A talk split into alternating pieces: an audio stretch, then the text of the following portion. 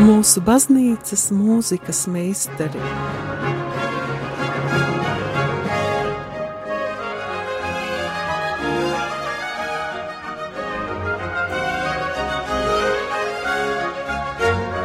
Studijā Dace Dreimane. Slavēts Kristus, dārgie rādījumi arī klausītāji! Šodien mums ir iespēja atkal iedziļināties poļu mūzikā, jo, kā mēs zinām, novembris ir mūsu svētki, bet izrādās arī poļu tautai. Mums ir daudz kā kopēji, kaut vai tas, ka 1918. gadā mūsu valstis atguva neatkarību, tikai latvieši, latviešiem svi, latvieši svin 18. novembri, bet poļu tauta 11. novembri. Jā, izlieca pa nedēļu ātrāk. jā, jā, bet tad jau sanāk, ka 11. novembrī jums ir divkārši svētki, jo ir arī Lāčplēša diena. Vai tā ir? Vai jūs tā svinat kā divas Protams, svētkus? tieši tā, ļoti, ļoti interesanti, kā latvietis jauta par Latviešu dienu. Protams, šeit Latvijā dzīvojošiem poļiem dubult svētki, Tā kā Latvijas iedzīvotājiem mēs nevaram palaist garam tik nozīmīgo mm -hmm. dienu kā Latvijas diena, un tā mums divkaršojas, dubultojas, var pat vēl cik tur kartojas, jo tā mums arī ir savas dzimtenes, pat varbūt ne dzimtenes, bet gan tevu zemes Jā. neatkarības diena. Un tāpēc arī svinam. Un kā jūs svinat? Uh, Polijas neatkarības dienu. Tieši tāpat, kā jūs svinat Latvijas neatkarības dienu. Tā, tā, tā tāda īpaša, ka diena īstenībā tas jau atkarīgs no katras ģimenes, kurš to izjūt, kam tā ir tuvāka, bet tā poļu biedrība, poļu skola notiek koncerti, bet parasti tas mums tie svētki ilgst visu nedēļu.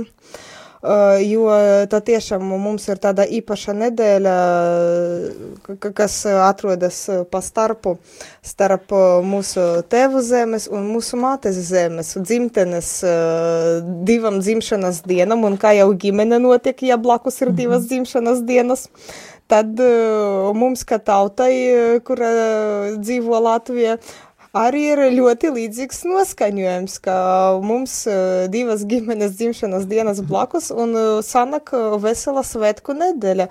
Gan, kā jau minēju, poļu skolā, poļu mhm. biedrības notiek visādi koncerti, kur mēs visur tas tiek apvienots, mēs dziedam gan poļu, gan latviešu patriotiskas dziesmas, jā, jo, kā tu teici, ievada ir ļoti kopīga vēsture. Jā, jā.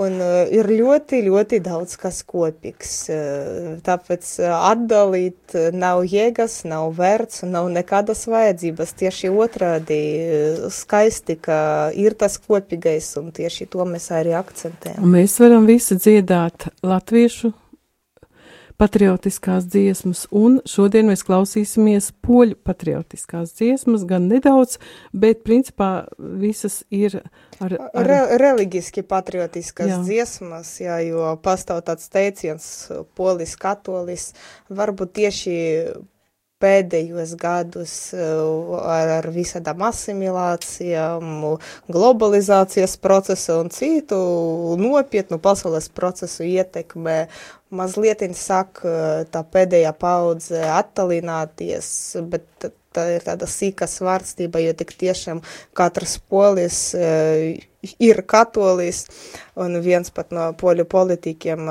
Romans Dmovskis, teica, ka katolicisms nav kaut kāda poļu kultūras sastāvdaļa. Katolicisms tā, tā arī ir kultūras būtība, to nevar atdalīt.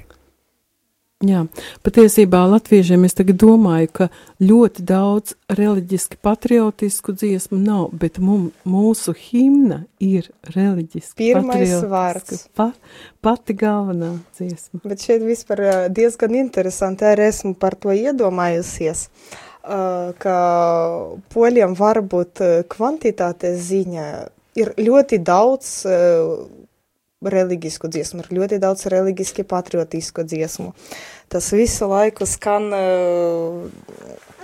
ka, ka, gandrīz vai katra patriotiska dziesma izskan, ir kāda lielāka vai mazāka saistībā ar Dievu, ar lūkšanu. Mm -hmm. Bet polijas himna ir tieši patriotiska.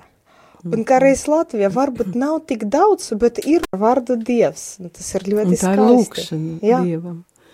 Jā, nu un tagad mēs pievērsīsimies polijas reliģiski patriotiskajām dziesmām. Un pirmā, un pirmā tā arī saucās Boguroģica. Jā, pirmā saucas Bogorodica, jeb Dieva dzemdētāja, un uh, to dziesmiņu mēs atkārtosim, jo iepriekšējā mm -hmm. reize, kad viesojāmies un uh, bija raidījums par Marijas dziesmām, esam to dzirdējuši, bet uh, to nevar neatskaņot šai raidījumā, jo tā, kā jūs atcerāties no pagājušā raidījuma, bijusi pirmā polijas himna, kas ir ļoti nozīmīga, tas ir pirmais un tas ir vecākais saglabājis poetiskais teksts poļu valoda. Uh, Varbūt varu piebilst, ka tā ir lūkšana Marijai un Jēzum. Pirmais pāns veltīts Marijai, otrais Jēzum, un uh, šī dziesma gadsimtu mija skanēja un skan arī šodien. Jā, tātad mēs klausāmies reliģiski patriotisko dziesmu Boguro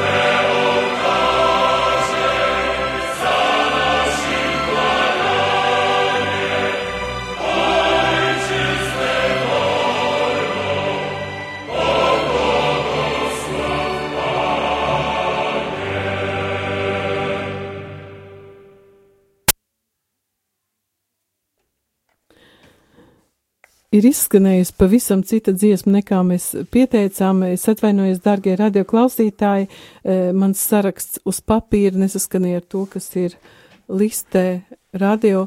Tādēļ tagad skanēs. Tagad mēs pastāstīsim par to dziesmu, kas nu pat izskanēja, un tad nākošā skanēs Boguro Dzīca. Nu jā, visi mēs mācāmies un kļūdīties ir cilvēcīgi. Jā.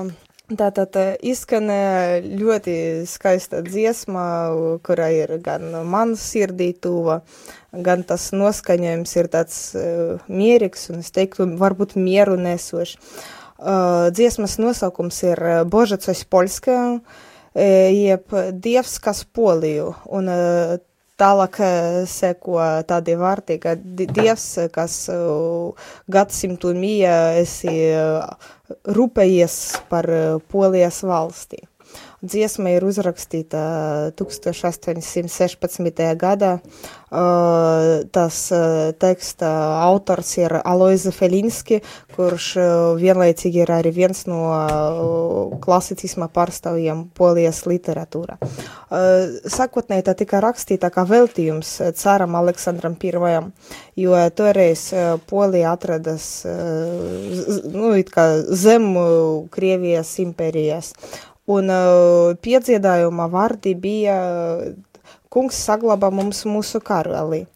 Īstenībā diezgan populārs teiciens, jo, kā mēs zinām, arī apvienotās karalistes himna God Save the Queen uh, skan tieši gandrīz ar tādiem pašiem vārdiem, gan arī ir uh, Krievu uh, Boža carā hranie kā arī ka runājam par Latvijas valsts himnu Dievs svēti Latviju, ka spēcīgs teiciens. Man liekas, ka tas uh, nav ņemts no viens no otra norakstīts, bet tas ir tāds kā dvēseles sauciens, kurš... Mobilizējoši. Jā, gan varbūt nevis tā kā mobilizējuši, bet tāds, tā ir tiešām lūkšana, kurā nak no sirds, un tāpēc tā tik, tik daudz, kur parādās. Bet uh, atgriežoties pie šīs uh, poļu dziesmas, tad tā tikšanās tauta saka protestēt pret sveša cara godināšanu un pati mainīja šo rindiņu un saka dziedat, ka Dievs liec mums redzēt savu dzimteni brīvu tai rindiņas vietā par caru. Tad da, dažus gadus, gadu desmitu vēlāk, Antoni Gorecki pievienoja himnai vēl divus pantiņus no himnas dievam, un vēlāk vairāki anonīmi autori saka pievienot vēl klāt pantus, pierakstīt, un to skaits pieauga pat līdz 11. Nu, tagad mēs dzirdējam daudz mazāk, bet īstenībā, ja dziedat visu dziesmu, tā var pam aizņemt pamatīgu raidījuma daļu. 19. gadsimta 62. gada Krieviju okupācijas laika himna bija aizliegta, bet cilvēki turpināja to dziedāt un tā kļuva par dumpinieku dziesmu. To pasaulē tika, tiek dziedata kā reliģiska dziesma, bet slautautu vidu tā palikusi kā patriotiska dziesma. Un jau 20. gadsimta 18. gada pēc neatkarības atgušanas šī dziesma bija viena no kandidātiem uz valsts himnu, bet, nu, par valsts himnu kļuva dziesma ar tādu vairāk maršveidā raksturu, lai himnai ir raksturs. Jā, tātad tas, par ko, par, par dziesmu Božacas Polskan, kuru tikko noklausījāmies, nu, un tagad mēģināsim ieslēgt. song.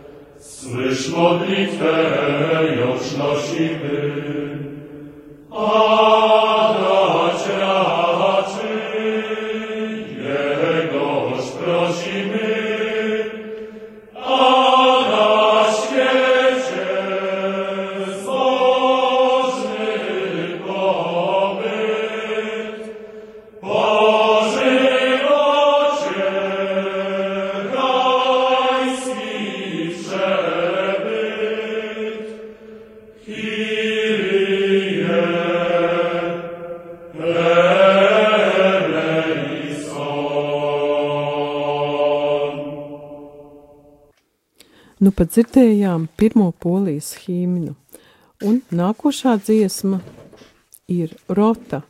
Ko tas nozīmē? Rote? Tad tas pats, kā, kas arī latviešu valodā. Rota tā ir karaspēka vienība. Ah, rota. Latviski. Skaidrs. Tad uh, dziesma varētu būt par um, nu, tādu militāra rakstura. Īsti militārs raksturs tur nav, bet šī dziesma ir vairāk patriotiska. Tie, tā, tas vārdi iet par brīvību, par pretošanos ienaidniekam, par tautas lepnību. Pa, par tādam tie, tiešām pa, par mīlestību pret savu tautu, uh, par uh, cīņu un uh, savu vērtību saglabāšanu. Bet kas ir svarīgi, ka šeit uh, ir pastāvīgs piedziedājums, tak nam do pomož Bог, tā mums palīdzi Dievs. Tad, tad uh, viss tas patriotisms uh, ir iespējams tikai ar Dieva palīdzību. Un tad tas piedziedājums arī piešķir tādu lūkšanas uh, raksturu, ka jā, mēs esam patrioti, mēs mīlam savu valsti un līdz pēdējā, līdz pēdējā elpai cīnīsimies par uh, savu tautu, bet bez Dieva palīdzības uh, ne, nebūsim spējīgi to panākt. Un uh, teksts ir uzrakstīts uh, 20. gadsimta sākumā, 1908. gadā. To uzrakstīja izcila poļu dzēniece Marija Konopnicka. Un uh, šī dziesma, starp citu, arī bija viena no valsts himnas uh, kandidātiem. Un, uh, ka, ka, kas ir interesants vēstures fakts, ka tā pirmo reizi tika dziedāta 20. gadsimta 10. gadā, kad tika atklāts piemineklis Grunu par piemiņu 500. jubilējai Grunvaldes kaujai, un Grunvaldes kauja savukārt ir viena no nozīmīgākām kaujām Polijas vēsture, kurā valda toreizējais karalistes brūdniecība pirms kaujas dziedēja iepriekš dzirdēto Bogarudīcu. Un apvienotā kora dirigents bija pats mūzikas autors Feliks Novojecki, Un, kas arī ir nozīmīgs fakts, ka tas viss, es domāju, tagad tieši dziesmas pirmats skaņojums pie tā pieminekļa notika, kad Polija bija zem citas valsts varas. Bet tas arī neatturēja cilvēkus no kopas sanākšanas un no šāda pasākuma. Jā. Tātad skan dziesma rota. Rzucim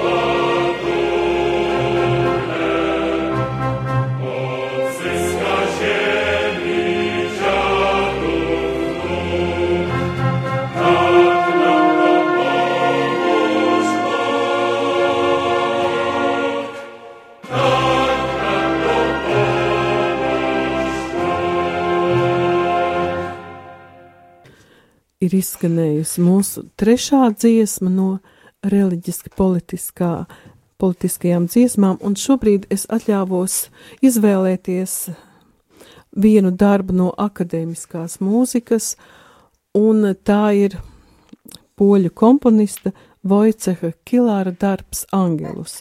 Kādēļ es to izvēlējos? Jo darba teksta pamatā ir vienkārša lūkšana, esi sveicināta Marija, bet darbs ir tapis 1984. gadā, un tas laiks, kā, kā zināms, ir, bija Polijā toreiz ļoti politi politiski saspringts, un tādēļ eh, man bija laime dzirdēt šo, šī darba pirmatskaņojumu Latvijā, un man uh, radās iespējas, ka tas ir uh, patriotisks darbs. Tāda sajūta bija, ka tur tiešām pamatā ir dziļa sāpe par savu tautu, par savu, uh, par savas tautas brīvību.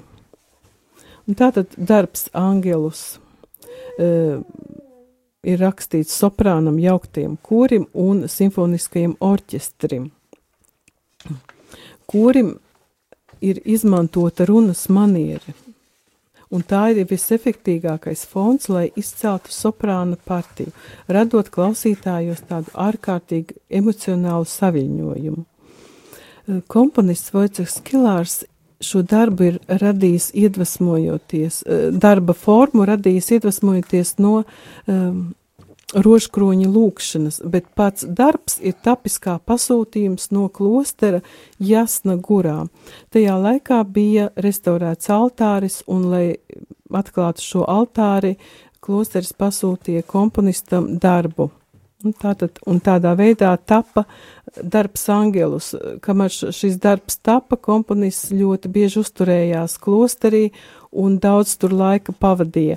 Viņš arī rakstīja, ka ka lūkšana rožu kronis nav viņa lūkšana, viņš to nekad nav skaitījis, bet pēc šī darba tapšanas un pēc atskaņošanas rožu kronis vienmēr neiztrūkstoši bija viņa um, žaketes kabatā, un pat vairāki gadījumam, ja viņš mainot žaketi, aizmirst, lai būtu vienmēr klāta. Par komponistu dažus vārdus teikšu. Viņš ir viens no izcilākajiem un populārākajiem mūsdienu poļu komponistiem. Viņš ir autors ļoti daudziem simfoniskiem darbiem, kameru mūzikai un īpaši daudz kino mūzikai. Ar to viņš arī ir populārs visā pasaulē. Starp citu, arī rakstījis mūziku filmai par pāvestu Jāni Pāvilu II. Viņš ir dzimis 1932. gadā Ļvovā, kas toreiz bija Polijas pilsēta. Ārsta, viņš dzīvo ārsta un aktrises ģimenē, mācījies Katovicas mūzikas augstskolā un turpināja studijas Parīzē pie Nādijas Bulanžē.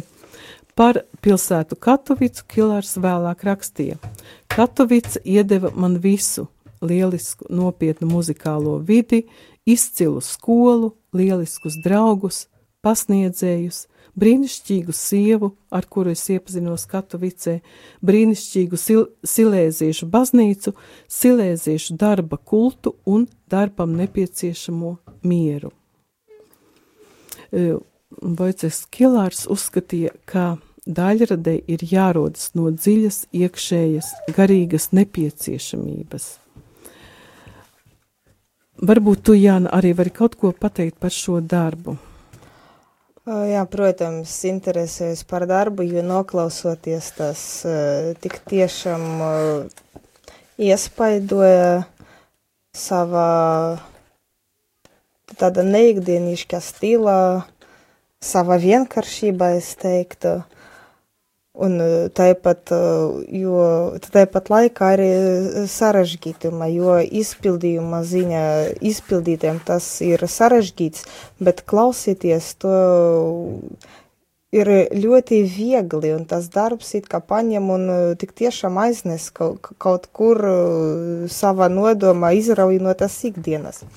Bet kas tā interesanti, Kad tu biji teikusi, ka tas uh, autors to rakstīja, ka Nu, tas bija savu- pasūt, pasūtinājuma darbs. eh, Nē, ko- pi pirms tam par pašu autoru. Uh, vienkārši esmu lasījusi intervijas ar autoru un ko viņš pats saka. Tātad pirmais, ka viņš to darbu ir veltījis rakstot savai sievai, kuru viņš mm. saucis par tipisko un īs visistāko engēliju. Uh, Bet īstenībā šis darbs saistīts ar autora atgriešanos baznīcai, baznīcā. Tad, tad eh, gads mums visiem ir pazīstams, un tā kā jau runājām, Vestere Latvija un Polija ir diezgan kopīga, un tas laiks bija padomju savienības laiks, kad uh, reliģija, tā maigi sakot, nebija atbalstīta no valsts puses. Un eh, šeit uh, rodas uh, tāds uh, tipisks, cil, tipiska cilvēkam pretošanās. Ja mums kaut kas eh, tiek atņemts, mēs tikai tad sākam to vērtēt. Un man liekas, Skillers uh, ir uh, tāds uh, skaists piemērs, jo līdz tam uh, viņš uh, ti- ti- tipiskais uh, ticīgais. Jā, kā tu uh, teici, jā. Polis un Jā, tipisks ta, tas nebija viņš. Bet uh, tā, tas okupācijas laikā viņš uh, saka ikdienas. Un, uh, protams, atrodoties uh, svētvietā, viņš arī uh, saka izjust to garīgu atzimšanu. Vienkārši tikai esi sveicināta, bet tas ir arī. Mm -hmm. Interesants arī fakts, ka, kad viņš tikko pabeidzis uh, darbu, viņš ja pa veltījumu nolicis uh, uh, dievmātes uh, polijas karalienes uh, altara priekšā. Kā, tad, tad tas roža kronis ir uh, inspirācija, ka no sākuma jūs dzirdēsiet, tas vārds, uh, darbs tiek vienkārši lasīts un tikai tāds sākas dziedājums, bet īstenībā tā ir ļoti skaista. Viņš pats atklāja to līdzību ar roža kroņa skaitu. daudzi kori, un, protams, arī Polijā ļoti daudzi kori, bet ņemot vērā to, ka Latvijai šis arī ir svētku mēnesis un uh, tuvojas Lačplēša diena, es izvēlējos